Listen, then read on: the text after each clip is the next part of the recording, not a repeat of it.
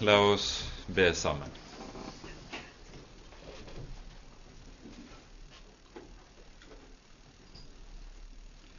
Kjære gode Herre, hellige Gud og Far.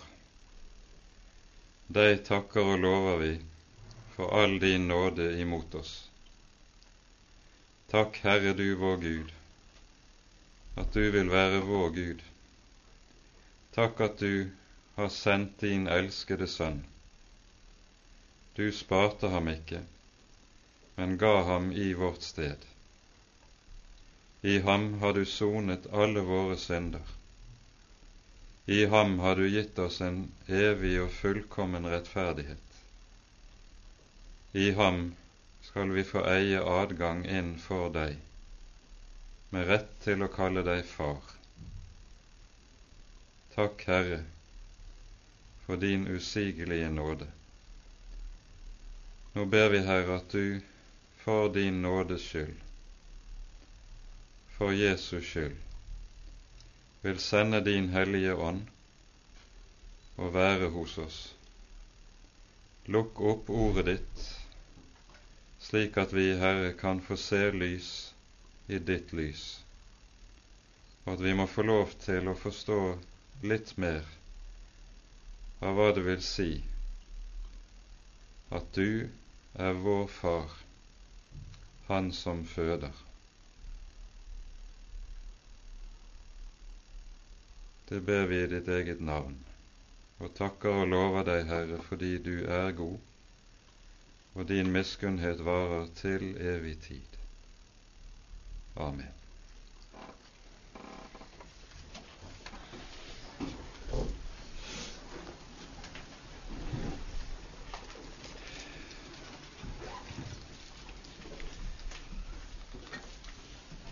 Det vi altså så på og stanset opp for sist gang, det var et, en av hovedsakene i Guds stell med, Guds arbeid med, Guds forhold til Abraham, nemlig hvorledes vi det 15. og det 17. kapittel hører hvorledes Herren inngår pakt med Abraham. Det vi leser i kapittel 15, er foregripende og forberedende i paktslutningen, mens vi i kapittel 17 hører om den egentlige paktsinngåelsen med Abraham. Og Det som er betydningen av det vi hører om pakten med Abraham, er jo først og fremst det at denne pakten også er et forbilde på den nye pakt. Det er en nådepakt som er kjennetegnet av dette, at Herren knytter alle sine løfter til en pakt som består i at det er Gud selv som vil oppfylle alle paktsvilkårene. Det er altså ikke slik at det påligger eller påhviler Abraham noe betingelse eller vilkår som han skal oppfylle for at pakten skal være gyldig. Det er Herren selv som oppfyller alle de vilkår som er nødvendige for dette. Det som påligger Abraham i denne sammenheng, det er kun paktens tegn. Abraham er ved det tidspunkt som pakten inngås, 99 år gammel. Det hører vi om i slutten av det 17. kapittelet. Og de begivenhetene vi nå skal ha for oss i dag, de utspinner seg alle sammen i løpet av et enkelt, meget kort år i året mellom Abrahams 99. og hans 100. år. Vi forstår av det vi hører i kapittel 17, at det nå har gått en lang periode, kanskje så meget som 15 eller 16 år, som har vært åpenbaringsløse. Abraham har kun vandret omkring i landet som fremmed og som pilegrim. Og Herren har, i hvert fall ut fra det vi kan lese i Første Mosebok, ikke kommet til Abraham med noen åpenbaring, slik vi hører om det i, at det skjer i den første delen av Abrahams vandring med Herren. Og det er slik å vandre gjennom lang tid, gjennom mange år, uten noe synlig tegn på at Herren er til stede og nærværende. I det ligger det noe av en trosprøve for Abraham. For på sett og vis er det slik at hele Abrahams liv var en eneste sammenhengende trosprøve.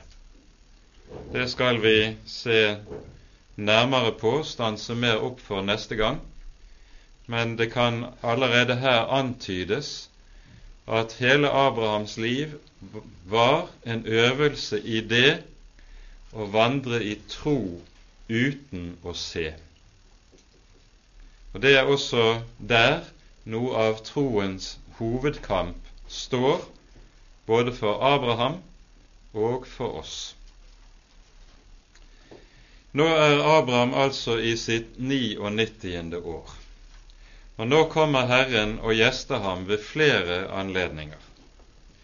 Og Det første av det er det vi hører om i begynnelsen av kapittel 18, og vi tar oss tid til å lese her de 15 første vers. Herren åpenbarte seg for ham i Mamres terrebintelund, mens han satt i døren til sitt telt midt på heteste dagen. Da han så opp, fikk han se tre menn som sto foran ham, og da han ble dem var, løp han dem i møte fra teltdøren og bøyde seg til jorden, og sa, Herre, dersom jeg har funnet nåde for dine øyne, så gå ikke din tjener forbi. La oss få hente litt vann, så dere kan tvette deres føtter og hvile dere under treet. Og la meg hente et stykke brød, så dere kan vederkvege dere før dere drar videre, siden dere nå har lagt veien om deres tjener. Og de sa, Ja, gjør som du sier. Da skyndte Abraham seg inn i teltet til Sara og sa, Skynd deg å ta tre mål fint mel, elte og bak kaker. Selv sprang Abraham bort til buskapen og hentet en fin og god kalv den ga han til drengen, og han skyndte seg å lage den til. Så tok han rømme og søt melk og kalven som han hadde latt drengen lage til, og satte det for dem. Og han sto hos dem under treet mens de åt. Da sa de til ham, Hvor er Sara, din hustru? Han svarte, Hun er der inne i teltet. Da sa han, altså Herren, Jeg vil komme igjen til deg på denne tid neste år, og da skal Sara, din hustru, ha en sønn. Og Sara hørte det i teltdøren, for den var bak ham. Men Abraham og Sara var gamle og langt ute i årene. Sara hadde det ikke lenger på kvinners vis. Derfor lo Sara ved seg selv og sa, Skulle jeg, nå jeg er blitt gammel, ha attråd, og min mann er også gammel? Da sa Herren til Abraham, Hvorfor ler Sara og tenker, Skal jeg da virkelig få barn, nå jeg er blitt gammel? Skulle noen ting være umulig for Herren? På denne tid neste år vil jeg komme til deg igjen, og da skal Sara ha en sønn. Men Sara nektet og sa, Jeg lo ikke, for hun var redd. Da sa han, Jo, du lo.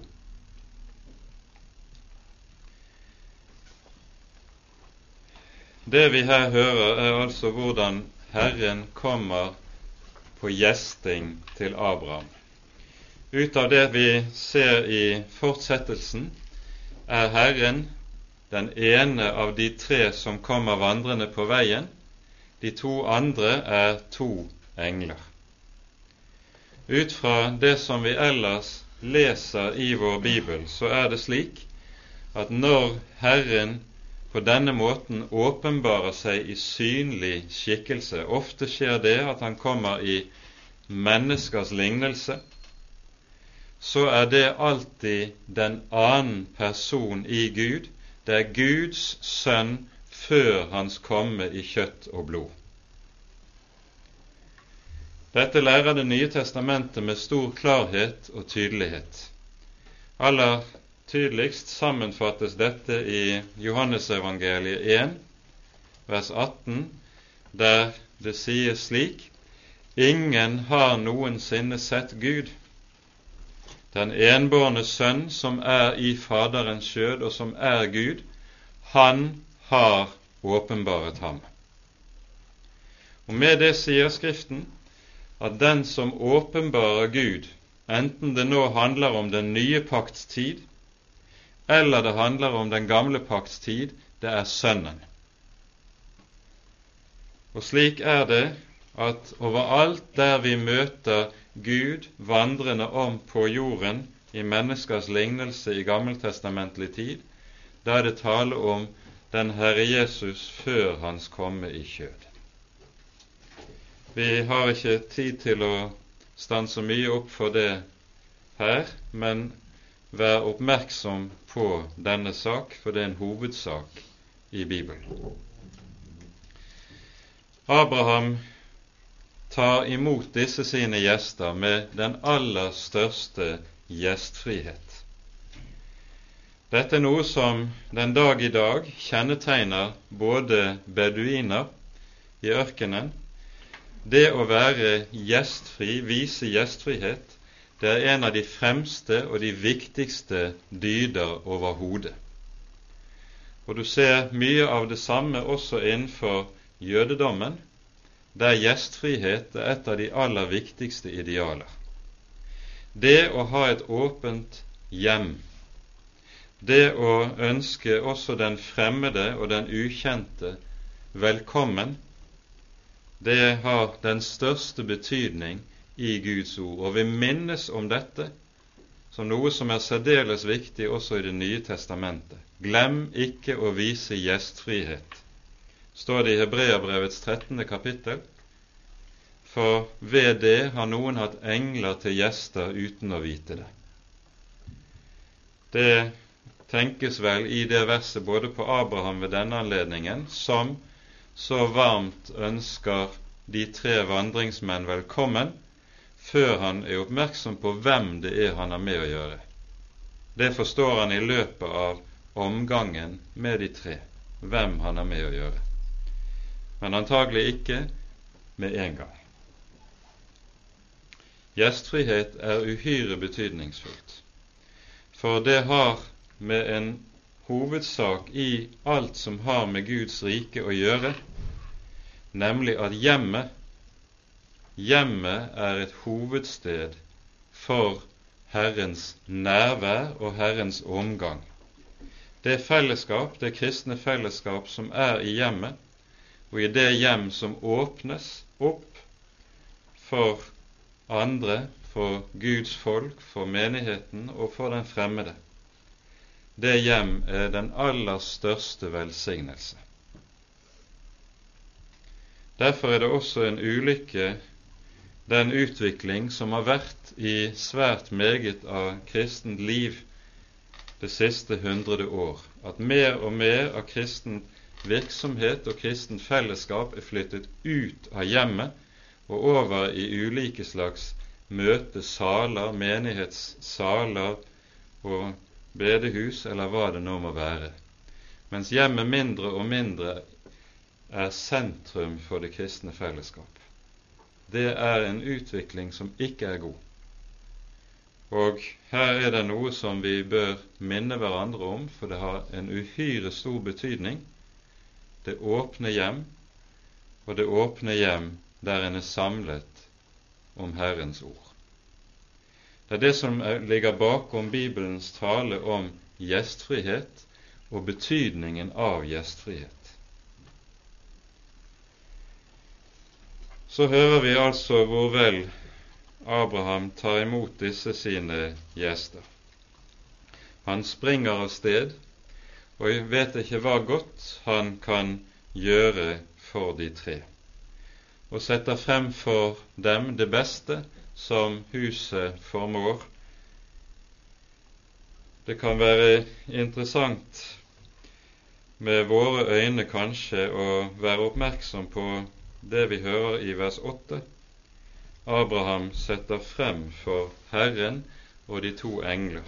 Det sies det nemlig han tok rømme og søt melk og kalven han hadde latt drengen slakte, og satte det frem for dem. Det Abraham dermed setter frem for disse tre, det er mat som innenfor dagens ortodokse jødedom er absolutt forbudt. Det er nemlig å blande melkemat og kjøttmat. Det anses som den største urenhet og som noe som absolutt er utillatelig i jødiske hjem. Og Dette dras jo i jødiske hjem så langt at en hos de ortodokse har to ulike kjøkken. Et kjøkken der en tilbereder melkemat, og et der en tilbereder kjøttmat.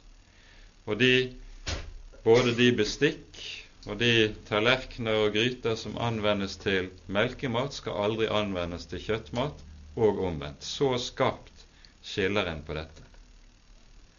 Jeg har spurt troende jøder om dette verset og gjort oppmerksom på hva som står her og de blir i den største villrede i møte med dette. De vet ikke hva de skal svare. At han som er stamfar og opphav til hele det jødiske folk, han gjør noe slikt. Det får nå være en parentes, men det kan være godt å vite om også det. Grunnen til at Herren nå kommer og gjester Abraham og Sara i, det, i Abrahams 99. år. Det er én særlig hovedsak. Når vi leser nemlig beretningen om Abrahams vandring i sammenheng, så hører vi ikke stort om Saras tro. Det vi hører i kapittel 15, det er at Abraham får Herrens løfte og det står Abraham trodde Herren, og hans tro ble regnet ham til rettferdighet. Men vi hører ikke om Saras tro, og det ser ut til at hun antagelig for sin egen del selv ikke har nådd igjennom til den samme tro og trosvisshet som Abraham hadde. Det innebærer at Abraham antagelig i sitt hjem har vært alene når det gjelder det grunnleggende trosforhold, samfunnsforhold med Herren, noe som antagelig da også har vært noe av en prøve og en vanske for han under vandringen. Derfor er det at Herren nå kommer, med tanke på at han også vil ha Sara i tale. At Sara også skal få del i, få bli gitt den samme tro som Abraham har hatt del i. For her er det jo slik, det lærer Bibelen oss meget klart, troen kommer av hørelsen, av det å møte Guds eget ord. Og det er jo just det som skjer her, at nå taler Herren til Sara nettopp med tanke på at hun skal få den tro som er så grunnleggende med tanke på det som nå ligger foran, nemlig Isaks fødsel. Ved denne tid neste år skal Sara ha en sønn, sies det med tanke på hun som sitter bak teppet og lytter til samtalen. Så står det i våre oversettelser Derfor lo Sara ved seg selv. Bokstavelig står det i grunnteksten Sara lo i sitt indre. Altså, hun ler ikke høyt, det er ikke en lydelig latter, men det er en latter som så å si er en innvendig latter. Men nettopp ved at Herren vet hva som rører seg i Saras hjerte Hvorfor ler du, Sara? Så sier Herren, la Herren ved det Sara vite hvem det er hun har med å gjøre nå. Det er Han som har skapt menneskets hjerte. Det er Han som vet hva som rører seg inni hvert enkelt menneskes tanke. I det dypeste kjenner Han oss alle. Det er noe av det vi leser i den 139. salmen. Før der er ett ord på min tunge, Herre, du vet det, alt sammen. Du har skapt mine nyrer, intet er skjult for dine øyne. Han kjenner oss bedre enn vi kjenner oss selv.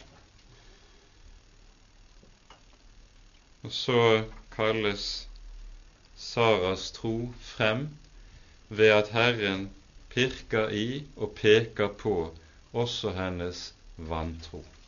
Hvorfor ler Sara? Det er fordi hun har så vondt for å tro dette ord som jo er umulig. For det sies Sara hadde det ikke lenger på kvinners vis. Den naturlige syklus med eggløsning, og som er forutsetningen for at det overhodet kan fødes barn, den er opphørt allerede for mange, mange år tilbake. Derfor mangler hun enhver forutsetning for å kunne føde barn hvilket innebærer at skal hun føde, må Han som er Gud, så å si vekke liv av døde i hennes mors liv. Det er da også det som skjer. Og så er det vi hører nettopp i denne sammenheng skulle noe være umulig for Herren. Som vi minnet om sist gang, dette ord dukker opp tre ganger i vår bibel. Det er dette sted. Det er i forbindelse med at engelen Gabriel gjester Maria og kunngjør at hun skal bli Messias mor. Vi hører det i Lukas 1. Og så i ordene til den unge rike mann, som altså der Jesus sier til disiplene hvor vanskelig det er for en rik å bli frelst. Det er lettere for en kamel å gå gjennom et nåløye enn for, for en rik å komme inn i Guds rike. Hvorpå disiplene spør hvem kan da bli frelst? Og Jesus svarer for mennesker er det umulig, men ikke for Gud. For for Gud er alle ting mulig. Og nettopp det at gjenfødelsen, det nye livet i Gud, er noe som er over evne, som er umulig for mennesket å gjøre, det er hemmeligheten også i beretningen om Abraham og Isaks fødsel. Vi kommer til det. Ved dette som her skjer, så tenner altså Herren tro også i Saras hjerte, så hun fra denne dag av også kan dele sin manns tro, og med det sin manns forventning til Herren. Ved denne tid neste år vil jeg gjeste deg igjen, og da skal Sara ha en sønn Det løftet. Så kommer det neste avsnittet i kapittel 18. Og det handler om å forberede det vi leser i kapittel 19, der vi hører om dommen over Sodoma og Gomorra. Og vi leser kapittel 18 fra vers 16 av og utover. Så sto mennene opp for å gå derfra De tok veien bort imot Sodoma, og Abraham gikk med dem for å følge dem på veien. Da sa Herren, skulle jeg vel dølge for Abraham det som jeg tenker å gjøre? Abraham skal jo bli et stort og tallrikt folk, og alle jordens folk skal velsignes i ham. For jeg har utvalgt ham for at han skal by sine barn og sitt hus etter seg, at de skal holde seg etter Herrens vei og gjøre rett og rettferdighet, så Herren kan la Abraham få det som han har lovt ham. Og Herren sa, Ropet over Sodoma og Gomorra er sannelig stort, og deres synd er sannelig meget svær. Jeg vil stige ned og se om de i alt har båret seg slik ad som det lyder det rop som er nådd opp til meg, og hvis ikke, så vil jeg vite det. Så vendte mennene seg derfra og gikk til Sodoma, men Abraham ble stående for Herrens åsyn. Og Abraham trådte nærmere og sa, Vil du da rykke den rettferdige bort sammen med den ugudelige? Kanskje det er 50 rettferdige i byen. Vil du da rykke dem bort og ikke spare byen for de 50 rettferdiges skyld, som kunne være der? Det være langt fra deg å gjøre slikt, å slå i hjel den rettferdige sammen med den ugudelige så det går den rettferdige på samme vis som den ugudelige. Det være langt fra deg. Den som dømmer hele jorden, skulle ikke han gjøre rett? Da sa Herren, dersom jeg i byen Sodoma finner 50 rettferdige, da vil jeg spare hele byen for deres skyld. Men Abraham tok atter til orde og sa, Se, jeg har dristet meg til å tale til Herren, enda jeg er støv og aske. Kanskje det fattes fem i de femti rettferdige. Vil du da ødelegge hele byen for disse fems skyld? Han svarte, Jeg skal ikke ødelegge den dersom jeg finner 45 der. Men han ble ennå ved å tale til ham og sa, Kanskje det finnes 40. Han svarte, jeg skal ikke gjøre det for de førtis skyld. Men han sa, Herre, bli ikke vred om jeg taler. Kanskje det finnes 30. Han svarte, jeg skal ikke gjøre det dersom det finnes 30 der. Da sa han, se, jeg har dristet meg til å tale til Herren. Kanskje det finnes 20. Han svarte, jeg skal ikke ødelegge den for de 20 skyld. Da sa han, Herre, bli ikke vred om jeg taler bare denne ene gang til. Kanskje det finnes ti. Han svarte, jeg skal ikke ødelegge den for de tis skyld. Så gikk Herren bort da han hadde talt ut med Abraham, og Abraham vendte tilbake til det sted der han bodde. Det vi hører i dette avsnittet, er Abrahams bønnekamp med Gud. Det er et overmåte viktig avsnitt, både når vi skal tale om bønn og bønnens betydning, men også med tanke på det som Herren sier innledningsvis til Abraham. For vi skal legge nøye merke til et par ting i det som der sies. Skulle jeg vel dølge for Abraham det som jeg tenker å gjøre? Abraham skal jo bli et stort og tallrikt folk, og alle jordens folk skal velsignes i ham, for jeg har utvalgt ham, står det i våre oversettelser. I vers 19 står det i den første setningen ikke 'jeg har utvalgt ham', men det står egentlig 'jeg kjenner ham'. Og med det så understreker Bibelen noe som er uhyre betydningsfullt. Ordet 'kjenne' det er jo et ord som i Bibelen brukes for å betegne det inderligste samfunn som kan finnes mellom to personer. Det brukes for å beskrive forholdet mellom mann og hustru i ekteskap, og det brukes for å beskrive altså det nære forhold Herren står i til sine. Salme 25, 14. Herren har fortrolig samfunn med dem som frykter ham, og hans pakt skal bli dem kunngjort, sies det der. Og det er nettopp dette fortrolige kjennskapsforhold som kommer til uttrykk når Herren taler som Han her gjør.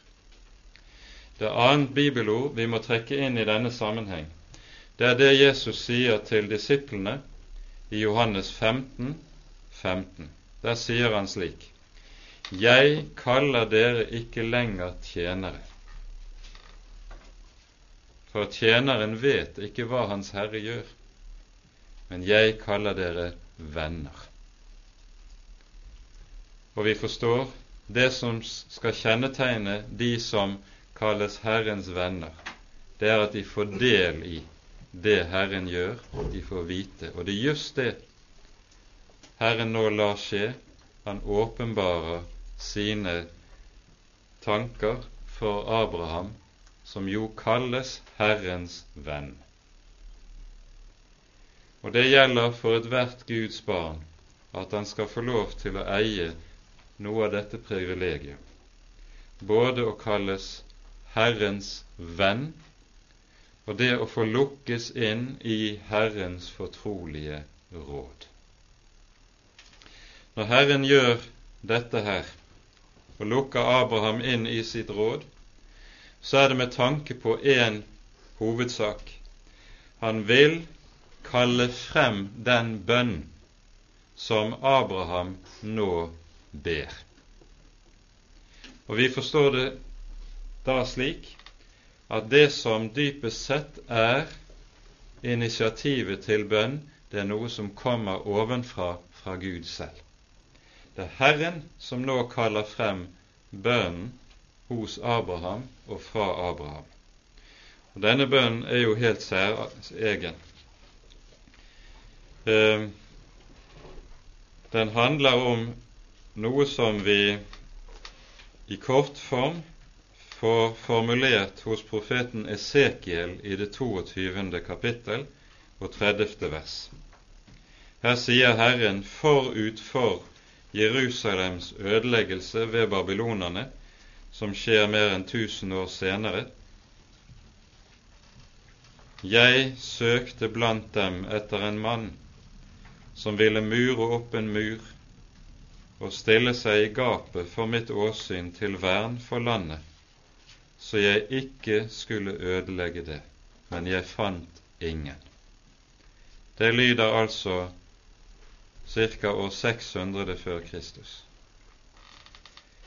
Herren søkte etter en som kunne stille seg i gapet for hans åsyn, så hans vrede ikke skulle bryte løs. Og det er det han gjør her med Abraham. Han søker ut Abraham, som nettopp skal gjøre dette. Vi hører om noe lignende når det gjelder Moses, i eh, hans rolle som forbeder for Guds folk. I Salme 106 sies det slik i vers 23, etter at vi hører om Israels synd, så sies det slik Da sa han, altså Herren, at han ville ødelegge dem dersom ikke Moses, hans utvalgte, hadde stilt seg i gapet for hans åsyn for å avvende hans vrede fra å ødelegge dem. Nå går vi inn i 2. Moseboks 32. kapittel og hører om Moses' bønn for Israel etter synden med gullkalven. Så hører vi to uhyre sterke ting som sies i den sammenheng. For det første hører vi umiddelbart etter at Herren har fortalt Moses hva som skjer blant folket, før Moses er kommet ned og ser hva som foregår, så sier Herren til Moses, la nå meg være alene, så jeg kan ødelegge folket. Altså så blir Moses en som ikke lar Herren være alene. Han er en som stiller seg imellom Herren og folket. Og så blir han talsmann. En talsmann som går i forbønn for folket, så de ikke går til grunne. Og i dette er Moses nettopp forbildet på vår store talsmann, Jesus, som Skriften sier om ham i Hebreane 7, at han sitter ved Guds høyre hånd og lever til å gå i forbønn for oss. Han er vår store forbeder og vår store talsmann i himlene hos Gud. Dette forbilledlige i Mose gjerning som talsmann kommer enda sterkere ut til uttrykk i vers 32 i 2. Mosebok 32. For der hører vi om annen gang Moses ber til Herren for folket etter synden med gullkalven. Og der ber han slik Dersom du ikke vil være nådig mot dette folk, da utslett mitt navn av livets bok. Han byr seg så å si frem for Herren at han kan dø i folkets sted. Og så blir han sannelig det store forbildet på Han som er vår egentlige talsmann, Herren Kristus, som virkelig ble utslettet av livets bok for at vi skal bli innskrevet i livets bok. Det er noe av dette som ligger bakom her når det taler om den, det å være talsmann og stille seg i gapet for Herrens åsyn for at Hans vrede ikke skal bryte løs, for at Hans dommer skal avvendes. Det er det Abraham gjør når han nå er forbeder. Og Herren lover på Abrahams bønn, som er meget frimodig, sågar å spare byen om det bare er ti rettferdige der. Noe som lærer oss noe helt grunnleggende også med tanke på den tid og den verden vi lever i det at det fortsatt er et troens folk i et land, i en by, det er et, også et Herrens skjold om dette land og om denne by, og som er et vern om landet og folket. For Herren verner om sine.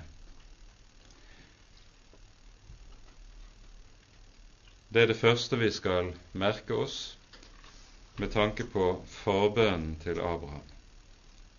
Det annet vi også skal merke oss når det gjelder forbønnen sånn sett, det er måten Abraham ber på. Jeg har dristet meg til å tale til Herren, enda jeg bare er støv og aske, sier Abraham. Dette sier noe helt avgjørende om både hvilken bevissthet Abraham har om hvem han selv er, og hva han vet om hvem den Gud er som han står ansikt til ansikt med når han ber. For dette er kanskje noe av det mest grunnleggende når vi taler om bønn. Det er nettopp det å vite hvem vi har med å gjøre. Hvem er Han som vi ber til? Det skal nemlig lære oss at to ting. For det første det å få lov til å be. Det er ingen selvfølgelighet som lettvint ligger der, men det er et uhyre stort privilegium å få tre inn for Den helliges ansikt. Og for det annet Abraham, sånn som Abraham ordlegger seg, så ånder disse Abrahams ord av det vi kaller for Guds frykt. Her er det ingen kameratslig tone, der han omgås Gud som om Gud var hans kompis eller hans likemann. Nei, han trer frem for Herren med age og med ærefrykt. Og det former hele Abrahams språk og hvordan han taler med Herren. Dette skal også lære oss noe om hvordan vi skal omgås Herren når vi ber. Det er en måte å tale til Gud på og omgås Gud på som man til tider kan støte på i våre dager som nesten er usømmelig. Fordi du får fornemmelsen av at en omgås Gud som likemann, som kompis, så du bare kan klappe på skulderen. Da har en ikke forstått hvem vi har med å gjøre, hvem Den hellige er. Dette tror jeg er noe av en hovedlærdom som vi ser ifra Abrahams bønn, og ser vi etter i de øvrige bønner hos patriarkene som vi finner gjengitt i Første Mosebok, og hvordan det bes videre utover i Bibelen, så vil du se nøyaktig samme sak. Bønnens språk er preget av bevisstheten om hvem en har med å gjøre, den hellige og den opphøyde Herre. Før vi forlater denne Abrahams bønn, så skal vi bare også ganske kort peke på det som sies i vers 19. Jeg har utvalgt ham, som det altså står i våre oversettelser. Jeg kjenner ham, sier Herren, for at han skal by sine barn og sitt hus etter seg at de skal holde seg etter Herrens vei og gjøre rett og rettferdighet, så Herren kan la Abraham få det han har lovt ham. Det som det tales om her, det er den undervisning av barna som skal foregå i det hjem der Herren er hjemme. Dette er noe som er helt avgjørende i Bibelen. Det er helt avgjørende i Guds folks historie, akkurat denne hovedsak. Og Derfor understrekes det også i flere helt sentrale tekster i vår bibel. En av de viktigste er jo den som vi har i Israels trosbekjennelse i 5. Mosebok kapittel 6.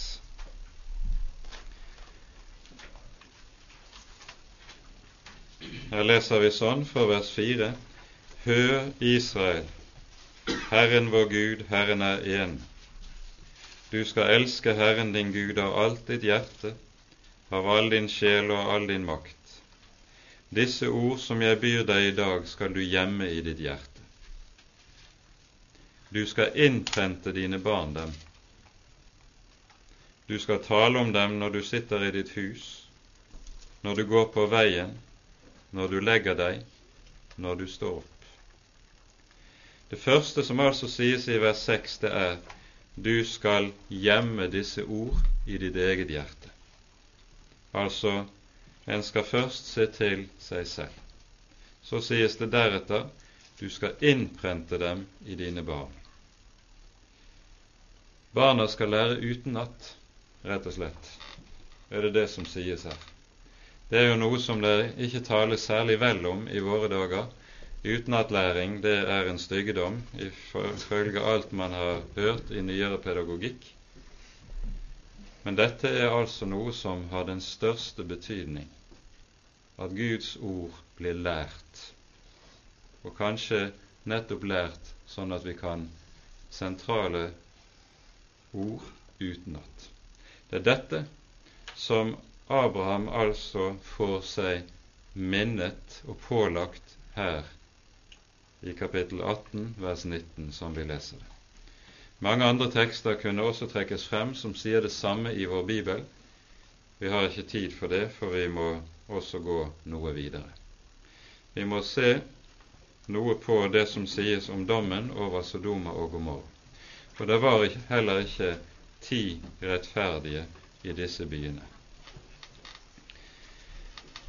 Vi leser fra kapittel 19 fra begynnelsen av og ø, til vers 11.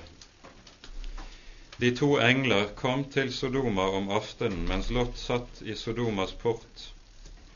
Og da Lot så dem, sto han opp og gikk dem i møte og bøyde seg med sitt ansikt til jorden og sa:" Dere herrer, ta inn i deres tjeners hus, og bli der i natt og tvett deres føtter så kan dere stå tidlig opp i morgen og dra videre. Men de sa, nei, vi vil bli på gaten i natt.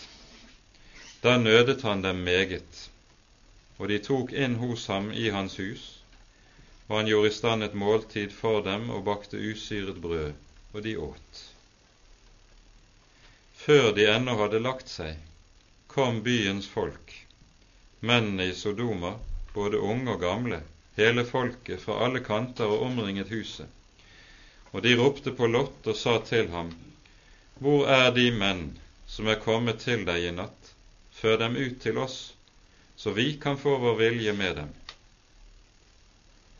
Da gikk Lot ut til dem i døren og lukket den etter seg, og sa, Mine brødre, gjør ikke så ond en gjerning. Se, jeg har to døtre som ikke har hatt med noen mann å gjøre, La meg få føre dem ut til dere, og gjør så med dem som dere synes. Gjør bare ikke disse menn noe, siden de er kommet inn under skyggen av mitt tak. Men de ropte, Gå av veien. Og så sa de, Her er denne ene mann kommet for å bo som fremmed her, og så vil han alltid oppkaste seg til dommer over oss. Nå vil vi fare verre med deg enn med dem så trengte de hårdt inn på mannen, på Lot, og stormet frem for å sprenge døren. Da strakte mennene hånden ut og tok Lot inn til seg i huset og lukket døren. Og de folk som sto utenfor døren til huset, slo de med blindhet, både små og store. Da sa mennene til Lot, har du ennå noen her? enten svigersønn eller sønner eller døtre eller noen annen som hører deg til i byen, så før dem bort fra dette sted. For nå skal vi ødelegge dette sted, fordi et sterkt klagerop over dem er nådd opp til Herren, og Herren har sendt oss for å ødelegge det. Da gikk Lot ut og talte til sine svigersønner, dem som skulle ha hans døtre, og sa:" Stå opp og gå bort fra dette sted for Herren vil ødelegge byen. Men hans svigersønner tenkte at han bare spøkte.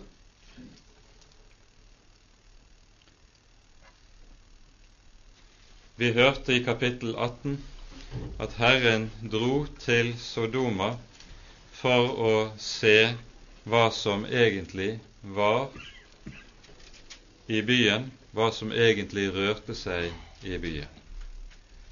Og ved det vi leser i det innledende vers her i kapittel 19, så får vi syn for sagn. Ropet over Sodoma er stort, og deres synd er meget stor for Herren, som vi hørte det i kapittel 18. Det som berettes for oss her, det er liksom slik at disse to Herrens engler, ved dem så fremkalles og kommer frem i dagen det som er både Sodomas synd og alvoret i denne synd, og hvor stor syndens makt er i folket. Og med det kaller altså folket i Sodoma dommen ned over seg selv.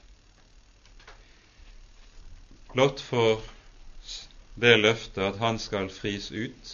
Vi hører om det i forlengelsen i kapittel 19. Og hele hans hus skal gå med ham. Men vi hører også hvordan det er med svigersønnene. Når de får også ordet dra ut, for Herren vil la sin ild fare nedover byen, så tenker de helt karakteristisk for den ånd som råder i Sodoma, dette er bare en spøk. Den slags kan vi ikke ta på alvor. Det er overspent tale. Og nøyaktig slik er det altså også Herren Jesus taler når han taler om hva som kjennetegner de siste tider. Da skal også menneskene si nøyaktig det samme når ordet om Kristi gjenkomst og den siste dom lyder. De tenker på det som en dårlig spøk. Det tas ikke på alvor. En er grepet av Sodomas ånd. I Hosea-boken kapittel 4 så står det slik Hor og vin og sterk drikk tar forstanden bort. Og Det er vel nærmest det vi ser for våre øyne her i Sodoma og så rammer dommen byen. Dommen over Sodoma og Gomorra spiller den viktige rolle i Bibelen at det skal stå der som et bilde og som et eksempel for alle tider på hvordan Herren ser på, hvordan Han dømmer og bedømmer den slags synd. Det kommer en dag da nådens tid er slutt. Det skjer med disse byer. Og Derfor må det sies også inn i vår tid, like som Herren Jesus gjør det når han tar dette frem i sine endetidstaler. Det skal på den tid være som i Sodomas og Gomorras dager, i Lots dager. Vi må si ut fra disse tekstene. Det folk som gir seg hen i Sodomas synd, må ikke overraskes når de rammes av Sodomas dom. Dette er det store alvoret i disse tekstene. Det er tider i historien der den synd som beskrives her i kapittel 19, og som jo har med homoseksualitet å gjøre, der det ser ut til å bli dominant i kulturen. I og for seg er det å være homoseksuell det er ingen synd som er mer alvorlig i seg selv enn annen synd. All synd er like alvorlig i Guds øyne, og all synd trenger derfor i samme grad tilgivelse og nåde fra Herren for at en skal kunne leve. Her står verken homoseksuelle synder eller andre grove synder i noen særklasse. Jesus er død for all synd og for alle synder.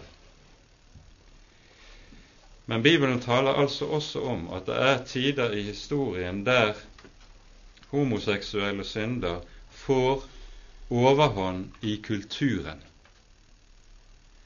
Dette er, slik Bibelen bedømmer det, et tegn på at kulturen som fellesskap er ved å bli overgitt av Gud og komme til å bli underkastet Guds dom.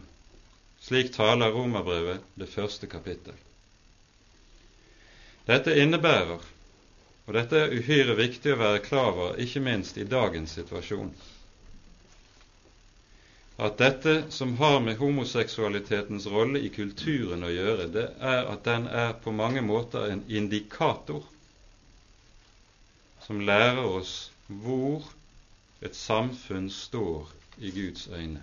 Der denne synd får overhånd, er det et tegn på at et samfunn står under Guds dom. Derfor sies det i Romerbrevet kapittel 1 om disse ting Derfor overga Gud dem. Og Det er nettopp det at denne synd får overhånd tegn på at kulturen er overgitt av Gud. Og Dette er det store alvor med det som vi ser skje for våre øyne innenfor Den norske kirke. Der det nå er i ferd med å komme en situasjon der en altså godtar, godkjenner og sier at det å leve i parforhold med et menneske av samme kjønn, det er ingen synd. Det er likeberettiget med samlivet mellom mann og kvinne. Det det innebærer, er at en kirke som Den norske kirke også er kommet inn under Guds dom. Det er det store alvoret. Slik taler Bibelen, og derfor har vi ikke lov til å fortie dette. For dette spørsmål handler ikke bare om at en mann og en teolog eller en biskop har et eller annet slags syn som man liker eller er uenig i. En annen har et annet syn som man heller ikke er enig i. Her handler det ikke om syn. Her handler det om at vi med det vi forkynner og lærer, står for den hellige Guds ansikt.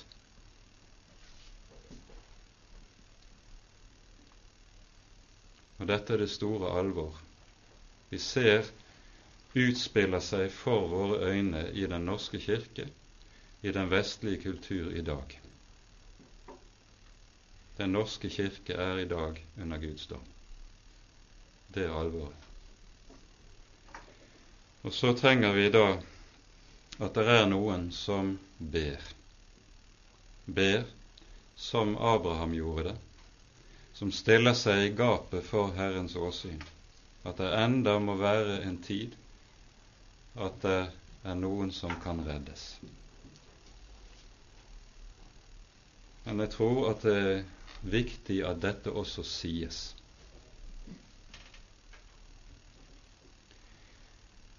I forlengelsen av kapittel 19 så hører vi så hva som skjer.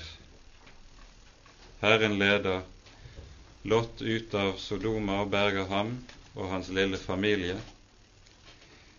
Vi hører det tragiske skje også om hvorledes livet i Sodoma også har preget Lot. Det nye testamentet taler om Lot som en mann som frykter Herren, og som lider på grunn av alt det onde og det ugudelige som skjer i Sodoma og Gomorra. Slik sies det i 2. Peters brev kapittel 2. Og dog vi ser at Lot er preget av all den synd og elendighet som har gjort seg gjeldende i Sodoma. Det har også preget ham. I Lots person finner du liksom en blanding av tro og av verdslighet. Det å være pre, ha, Han har et visst preg av Abrahams tro, tilstrekkelig til at Herren kan si 'Han hører meg til, derfor vil jeg også redde ham'. Men samtidig er denne tro blandet med så mye av Sodomas ånd at det får fryktelige konsekvenser også i Lots liv, som vi kan lese det i slutten av kapittelet. Det har vi ikke tid til å gå nærmere inn på. Vi, før vi setter punktum i dag, så må vi dog gjøre et sprang til kapittel 21, som vi også må stanse opp for før vi altså setter punktum. Vi rekker ikke å gå inn på dette i sin fylde og i sin dybde, men det er umåtelig viktig det vi nå hører i dette avsnittet. Herren så til Sara, som han hadde sagt. Herren gjorde med Sara som han hadde lovt. Sara ble fruktsommelig og fødte Abraham en sønn i hans alderdom, på den fastsatte tid som Gud hadde talt til ham om. Og Abraham kalte den sønnen han hadde fått, den som Sara hadde født ham, Isak. Og Abraham omskar Isak sin sønn da han var åtte dager gammel, således som Gud hadde befalt ham. Abraham var hundre år gammel da han fikk sin sønn. Da sa Sara, Gud har gjort det så at jeg må le. Alle som hører dette, vil le av meg. Og ordet Isak, Yitzchak, det betyr nettopp han ler. I disse kapitlene i forbindelse med fortellingen om Isaks fødsel så hører vi latter nevnt i tre ulike betydninger. Vi hørte i kapittel 18 vantroens latter hos Sara. Skulle jeg som en gammel vel kunne føde barn? Det er vantroens latter. Så hører vi på ny Sara le her i kapittel 21. Det er gledens latter. Overraskelsens latter. Overraskelsen og fryden over at Herren endelig har sett til henne, og sånn som Bibelen taler om dette, tar bort hennes vanære. Det var jo slik i disse kulturene at det å være barnløs for en kvinne var den aller største vanære. Gud har gjort det så at jeg må le. Det er troens og takknemlighetens og gledens latter. Og så hører vi ordet latter også anvendt i en tredje betydning her i kapittel 21. Det er når Ismail, Isaks eldre halvbror, spotter og håner den lille Isak fordi han er misunnelig, fordi han vil ham til livs. Det er hånens latter som kommer til uttrykk i dette. Og så heter altså gutten Isak, latterens sønn. Vi merker oss i de to første vers her i kapittel 21 så sies det tre ganger som Gud hadde sagt, som Gud hadde lovt, på den tid som Gud hadde fastsatt. Tre ganger understrekes det i disse versene at det som nå skjer, det er nettopp at Gud oppfyller sitt løfte. Isak er løftets sønn i ordets egentligste og mest bokstavelige forstand. Og nettopp her er det at Isak skiller seg fra Ismail just med tanke på sin fødsel. For hvordan var det det gikk til med Ismails fødsel? Der var jo situasjonen den Abraham hadde vært på vandring i det lovede land i ti år etter at Herren kalte han. 75 år gammel var han da han ble kalt. 85. Når han er 85, så begynner både Sara og han å lure. Hvordan skal det gå? Herren har lovet oss barn, men vi ser ikke tegn til løftesbarnet som Herren har lovet. Og så kommer, som vi har vært inne på, tankene som sier kanskje Gud har ment vi må gjøre noe selv. Og på mennesketanker kommer menneskeverk. Abraham tar Hagar til sin medhustru, og så fødes Ismail. Ismail er ikke løftet sønn. Det nye testamentet sier Ismail er født ifølge kjødet.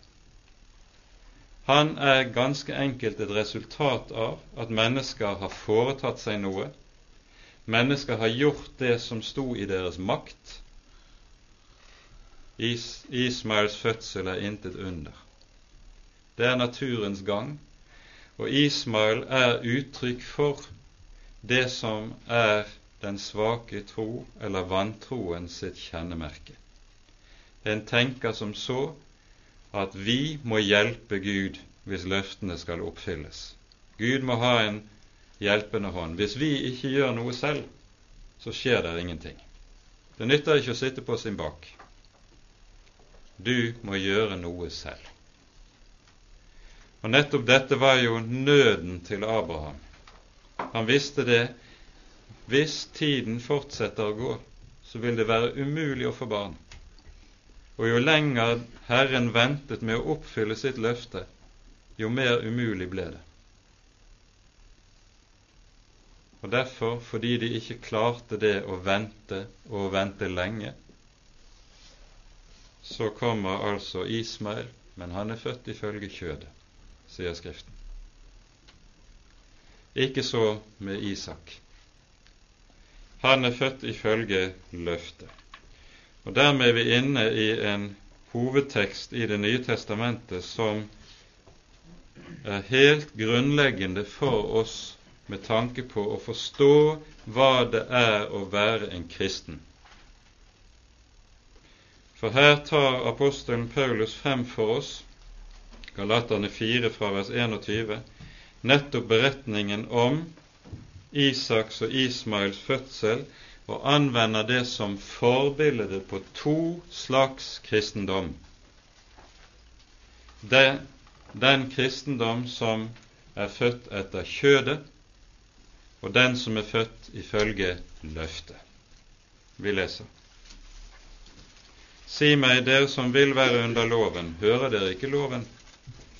Det er jo skrevet at Abraham hadde to sønner, en med trellkvinnen og en med den frie kvinne, men trellkvinnens sønn er født etter kjødet.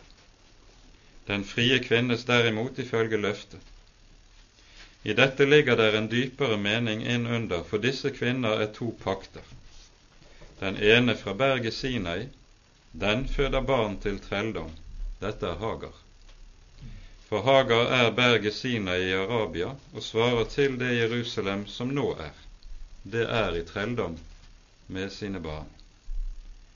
Men det Jerusalem som er der oppe, det er fritt. Det er vår mor. For det er skrevet:" Vær glad, du ufruktbare, du som ikke føder. Bryt ut og rop, du som ikke har veier. For den enslige kvinnes barn er mange fler enn hennes som har mannen. Men vi brødre er løftets barn, like som Isak. Hva er poenget i det vi her leser? Det gis nemlig to slags kristendom.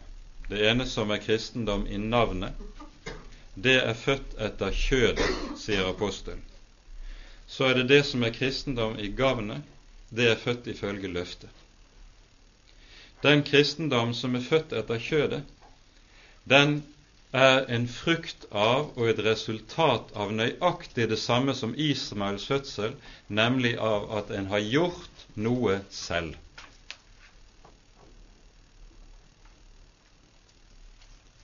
Og er du en kristen på grunn av at du har gjort noe selv, da er du en kristen etter kjødet, sier Paulus. Det er trelldom, det er det som kommer av loven, for loven, hva er det den pålegger meg? Den er nettopp, det er nettopp det å gjøre noe selv.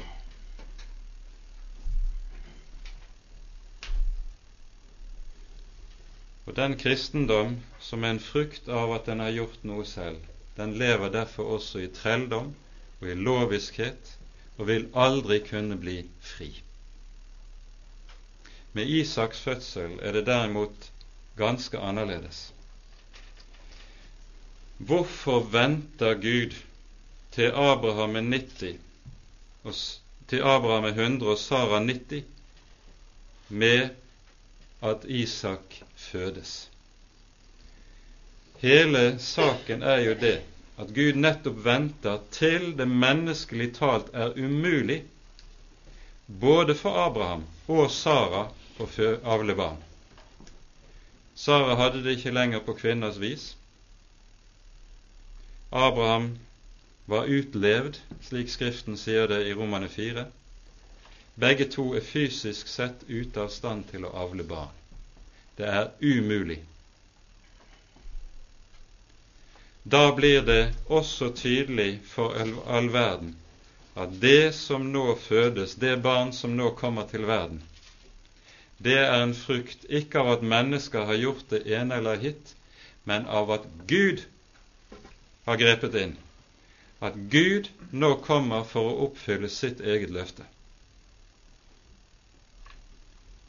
Isaks fødsel er en frukt av at Herren gjør sin gjerning. Og nettopp dette er det jo det som det handler om når vi taler om å bli født på ny, når det handler om å bli en kristen.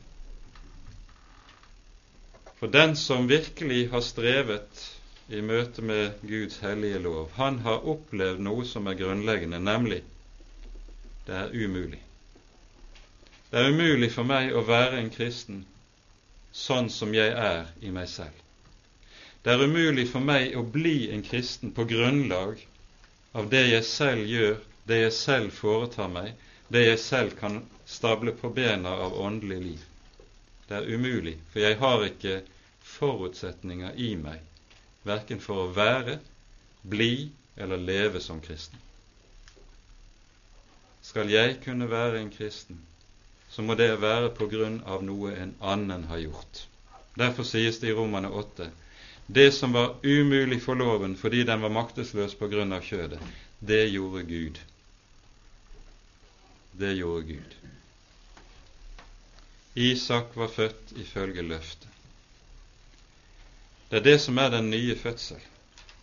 Den fødsel som utvirkes av Gud i mennesker som vet med seg selv det er umulig med meg, jeg er umulig selv. For mennesker er det umulig, men ikke for Gud. For alt er mulig for Gud, var ordet som lød i forbindelse med Isaks fødsel. Og det lyder i forbindelse med den nye fødsel hos hvert menneske som fødes på ny og blir et Guds barn. Hvordan fødes man så på ny? Nøyaktig som med Isak, ved Guds ord og løfte. Det som skaper det nye livet i et menneske, det er å høre ordet om det en annen har gjort for meg og i mitt sted. Det er ordet om Jesus, om hans stedfortredende soning, om hans lidelse for min skyld. Det er det som skaper det nye livet. Jeg blir ikke en kristen gjennom å bestemme meg. Jeg blir ikke en kristen gjennom gode forsetter. Jeg blir ikke en kristen gjennom å prøve å få det til. Jeg blir en kristen ved ordet om Jesus. Og det er løftet, det er løftets barn som er Guds barn. Det er løftets barn som er Abrahams etlinger og arvinger til velsignelsen. Det er dette som dette bibelske forbildet skal lære oss. Og Derfor er denne teksten så avgjørende viktig, fordi det som vi her hører i beretningen om disse to Abrahams sønner, Ismail og Isak, det anvendes i to av hovedbrevene i Det nye testamentet, både romerbrevet og altså Galaterbrevet, som vi her har lest fra. Nettopp for å lære oss og vise oss hva det sanne åndelige liv er. Og så sies det derfor i tilslutning til dette i Johannesevangeliet 1 alle dem som tok imot ham, de er født.